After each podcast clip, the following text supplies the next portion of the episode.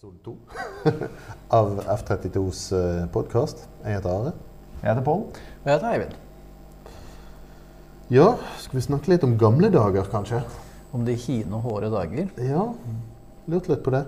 Altså, Vi kjenner jo hverandre først og fremst fra eh, diskusjon.no og akam.no. som eh, Salige Akam finnes jo ikke lenger, men eh, der jobbet vi alle sammen. Og eh, ja, det, det var jo det som egentlig var årsaken til at vi startet hele F32. da. Eh, så har vi jo alle sammen jobb, og dere to har jo fått sånne små mennesker òg, så, eh, så det er jo begrenset hva tid vi har til å bruke på det, dessverre. Men, eh, men jeg syns iallfall at eh, når vi holder på, så er det gøy.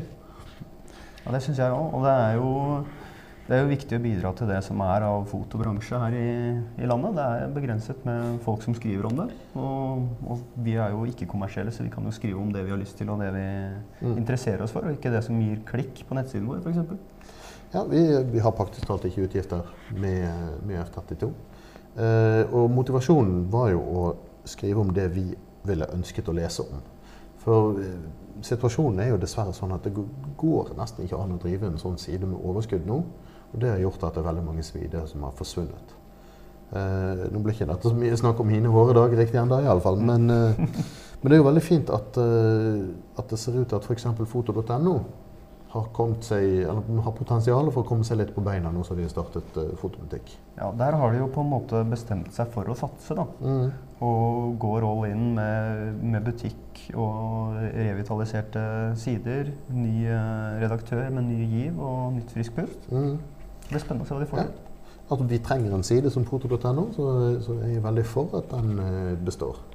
Eh, jeg skulle ønske Akam gjorde det òg, sånn som eh, den var. Den var veldig bra den gangen, og så var ikke det mulig, dessverre. Men, eh, men vi er ikke et større land enn at vi, vi må ha, ha noen sånne sider. Ellers hine hårde dager. Jo, altså eh, Vi var inne på for, I forrige episode så, så lærte jeg å fotografere med film. Jeg var jo i gang med å studere foto før jeg faktisk kjøpte mitt første, spill, nei, første digitalkamera. Det var det kjente merket IQ.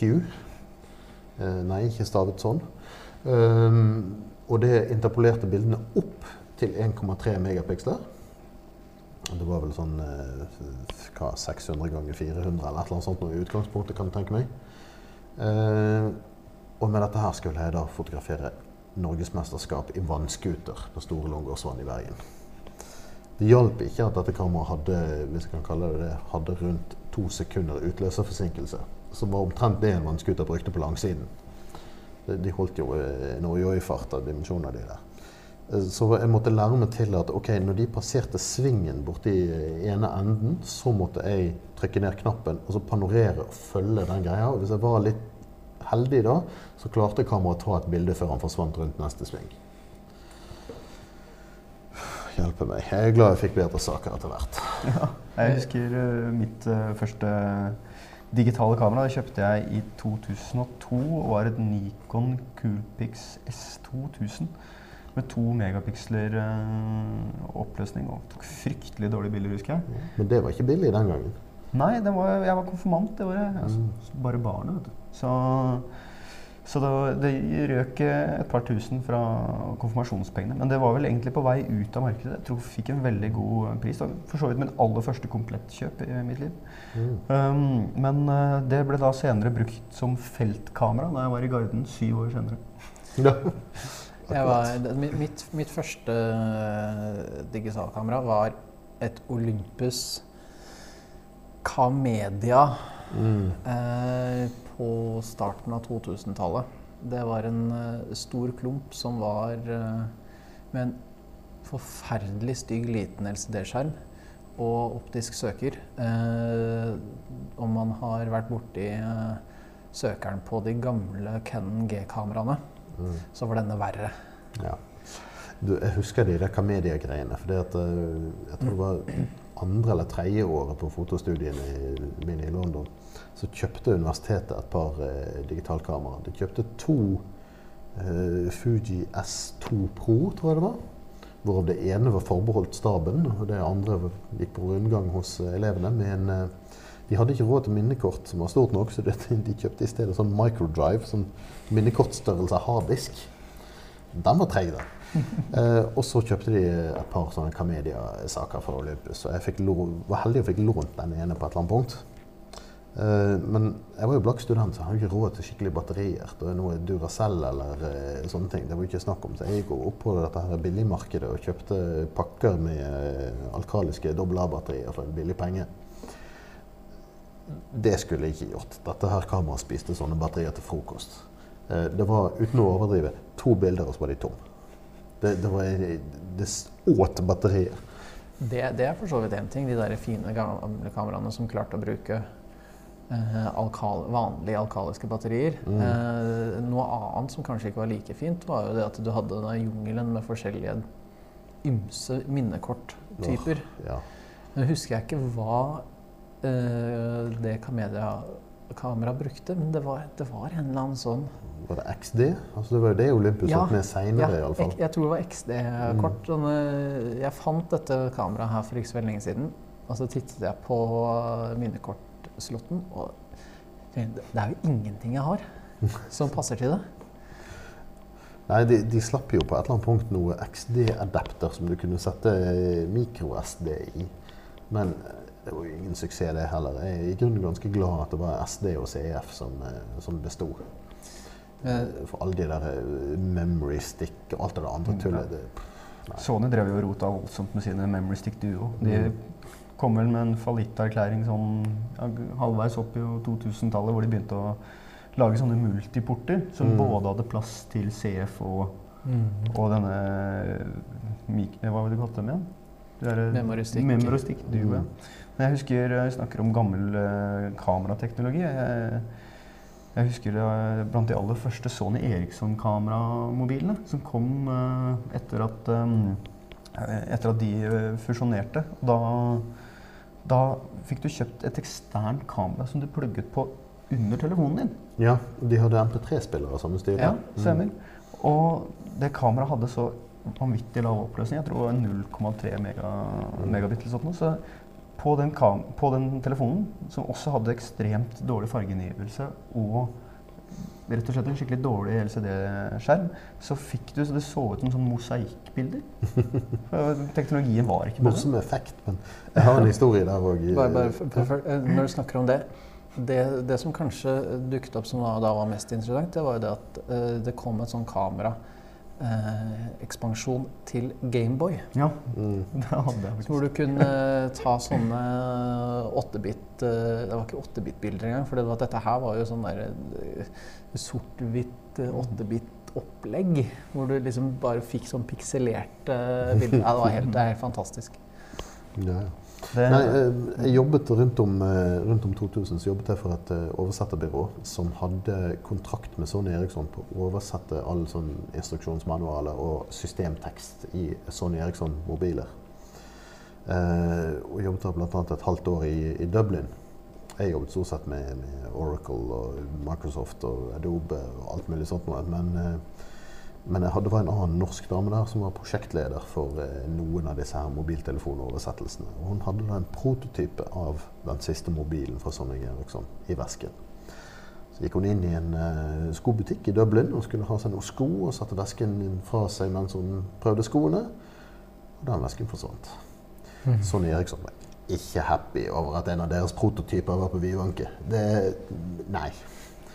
Det ble oppvask. Det var ikke hennes skyld, men, men eh, det, det ble noen policyendringer av det der. Det er rart med det. Rart, med det. Da Vi snakker om den Gameboy med kamera-expansion. Den hadde jo også mulighet til å koble til eh, printer.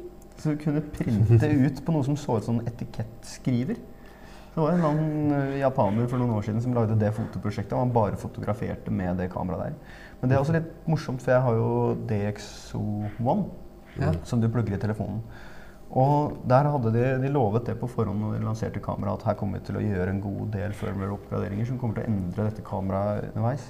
Og der har jeg jo da en vanlig pikselert LCD-skjerm som da gjengir bildet av det kameraet ser. Så jeg kan skyte med det uten at det kobles til telefonen, med da en pikselert bitvisning. da. Så jeg kan se at det er et menneske foran meg, så jeg kan komponere riktig. Det er jo ikke noe sjans å se noe annet. Men det gir litt den der følelsen av tilbake til Gameboy. Altså. Ja. Det, det, det, det minner meg om det der eh, prosjektet som Sony holdt på med. Det der eh, eh, hvor man skulle liksom gå det til eh, The Camera Essentials. Hvor, eh, som for så vidt var Det var jo et fullverdig kamera. Det, du mangla bare søker, skjerm. Du tenker på denne greia som de koblet på et Ja. nettbrett eller en mobiltelefon. Ja, men- men- var flere andre som holdt på med det der òg. Men, men, men det, det jeg syns var litt morsomt med det, var at det, altså jeg likte jo det konseptet. Jeg syns det, jeg, jeg, synes det var kjempegøy. Eh, fordi du behøvde jo egentlig aldri å koble det på et nettbrett eller, et, eh, eller en mobiltelefon. Du kunne bruke det som en helt vanlig kamera. For eksempel, så kunne du bare holde det i hånda, og så kunne du ta bilder liksom hvor du trodde du var. Fordi det fungerte jo. Mm. Eh, For å se bildene og for å liksom bruke det for å få søkere og sånt, og så måtte du koble det til smarttelefon eller nettbrett. Men det var liksom den derre der, Jeg syns det var en morsom idé. Det var en fin idé. Jeg, jeg likte den der. der. Altså, det var jo ren desperasjon for å finne det, det neste nye som ville ta av. Og så gjorde det ikke det, og så bare forsvant det mer eller mindre. Men Kodak, det som var igjen av Kodak, prøvde seg jo på noe lignende. Det var et par andre produsenter som lanserte noe sånt. Aldri noen høydere, men jeg skjønner hvor- hvordan de tenkte at eh, ok, folk, folk går rundt med en god skjerm i lommen, og likevel hvorfor skal de ha med seg en til? Jeg skjønner jo det, men det var jo aldri noe superkamera. Nei, men Kodak har jo fortsatt i å, å komme på gode, dårlige ideer noen år etter alle andre. Det har vi snakket om eh, tidligere også, dette nye mobilkameraet deres. Som skal være the essential camera for de som liker å fotografere, men som egentlig bare er tøys.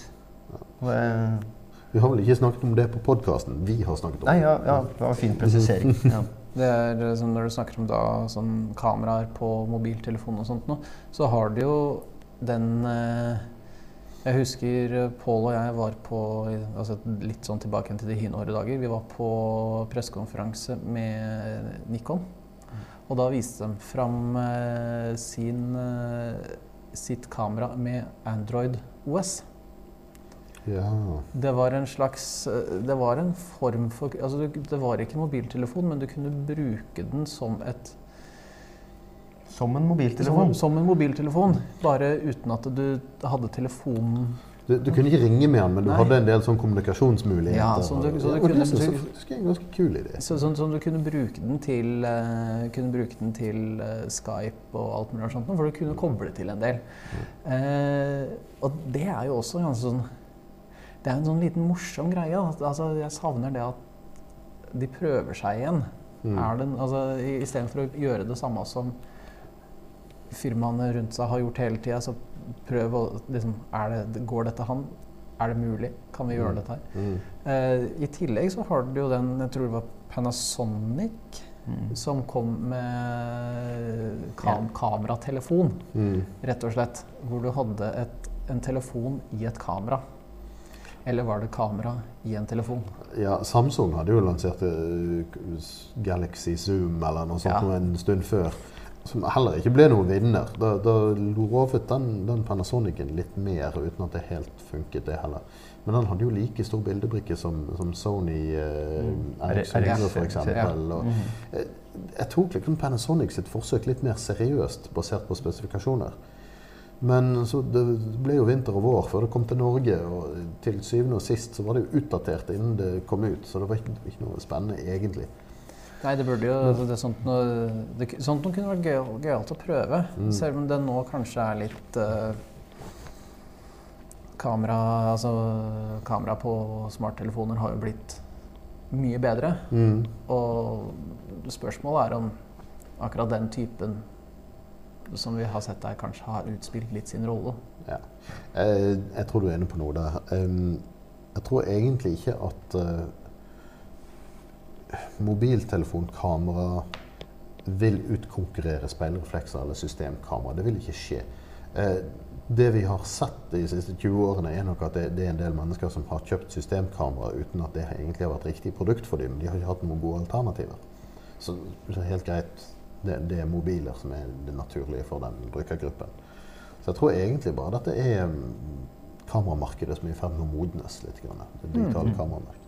Men, det- men det var en ting jeg skulle nevne som altså Av sånne kommunikasjonspåfunn i kamera, så det er én ting jeg syns er helt genialt. Og det er det Nikon har gjort med sine toppmodeller, altså D4, D5, disse her. Eh, at de har en slags webserver i kamera. At du slipper å installere noen app og alt det der greiene der. Får du kontakt med det kameraet, så kan det fjernstyres gjennom en, en eh, nettleser. Jeg skjønner ikke at, flere, at ikke flere produsenter har kopiert det, for det, det er helt genialt. Enhver idiot har tilgang på en nettleser, men det er ikke alltid du kan laste ned en app eller eh, drive og styre med, med fire-fem forskjellige apper fordi du har systemkameraer fra forskjellige merker. Én som gjør alt.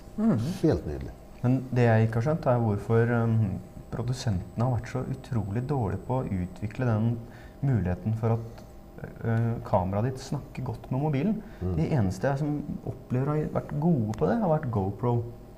De har klart å, å lage en app som har fungert godt, og en uh, tilkobling som har holdt seg. Og det veldig sjelden det har vært noe trøbbel på alle de GoPro-modellene jeg har eid. Mens jeg har et nyere Sony-kamera, Sony RX10. uh, og der krever det da en manuell oppkobling mellom kamera og telefon hver eneste gang jeg skal overføre et Mm. bilde. Så når du har trykket 'overfør', og bildet er overført, så bare kobler den seg direkte fra telefonen din. Og så må du gjøre det samme prosessen en gang til. Med mindre du skal da si at disse 15 bildene skal jeg laste opp. Mm. Men når det er gjort, og jeg har fått lastet bildene over til iPad Pro eller mobilen min, så har jeg jo alle muligheter. Jeg kan redigere der. Jeg har eh, apper som leser uh, Exif-data og mulighet til å justere stort sett alt jeg trenger for å få, få grei, et greit bilde ut av det. Mm. Så jeg tror at nøkkelen må være tilgangen til bil bildet raskest mulig. Ja, men jeg, jeg ser på det her som egentlig en ganske smal nisje av behov. Jeg, jeg tenker ikke sånn i det hele tatt. For det første, jeg skyter nesten bare RAW. Og JPEG, men, men RAW. Da, det blir svære filer som må lastes over. Og det er veldig sjelden jeg har det så travelt at jeg trenger å laste de over der og da. Uh, alt jeg har av nettbrett og, og eh, mobiler og sånne ting de, Jo da, jeg, jeg kjøper jo det med mye lagringsplass og setter store minnekort i. Men lagringsplass er likevel begrenset. Så jeg er ikke interessert i å laste opp store filer til disse her. Uh, Det, det, jeg, ten, jeg tenker bare ikke på den måten. Så, så jeg har ikke det behovet, og dermed er det litt vanskelig for meg å sette meg inn på en måte. Nei, men eh, for min del, jeg har, jeg har det behovet fordi jeg ofte i jobben min har sperrefrister og deadlines Mm. og dårlig tid. Og Du må poste bilder fra ute i felten. Og, ja, Mm. eller jeg må sende bilde til journalisten ute i felten.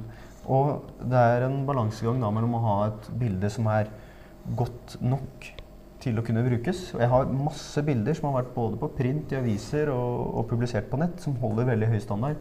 Sammenlignet med at ja, jeg tar opp mobilen min og så jeg står i ro der borte, så tar jeg bilde av dere nå, Mm. og så kjenner jeg over det. Og så ble det uskarpt fordi jeg glemte at vi var innendørs og tenkte ikke over eh, lyset og lukkertid og, og ISO-prioriteringer. Så i min jobb eh, Ta et annet eksempel. Jeg var ute i skjærgården utenfor Halden og skulle merke skjær. Og hadde en avtale med en eh, journalist i Fredrikstad Blad om at hvis, få, hvis han fikk tak i bilder og video, skulle han lage nettsak. Og der ute i eh, hva skal jeg si, hytteparadiset så er det selvfølgelig kjempegod 4G-dekning. Så fra Kystverkets båt litt ute i havgapet der hadde jeg strålende 4G-dekning. Mm. Og da lagde jeg en del videoklipp med Sony-kameraet mitt. Overførte det til, eh, til mobilen og lastet det opp på Dropbox der og da. Mm. Og innen jeg hadde kommet til land igjen da, så var den ferdigredigert av journalisten og publisert. Uten at jeg hadde gjort den redaksjonelle vurderingen. Mm. Og i sånne tilfeller der så er det viktig. Og det er viktig ikke bare i min jobb, men også hvis man er pressefotograf. Det er jo sånn som er helt konge, og det, det er en ting jeg er veldig happy med med 5D Mark 4. Det er at endelig har de faktisk innebygget wifi i utgangspunktet. Mm. Det syns jeg er helt gull. Jeg bruker det ikke noe særlig, men hvis jeg skulle få bruk for det, så er det der. Ja, Skal vi eh, runde av for denne gang, kanskje? Ja, det syns jeg er kan. Da sier vi takk for oss. Ha det bra. Ha det bra.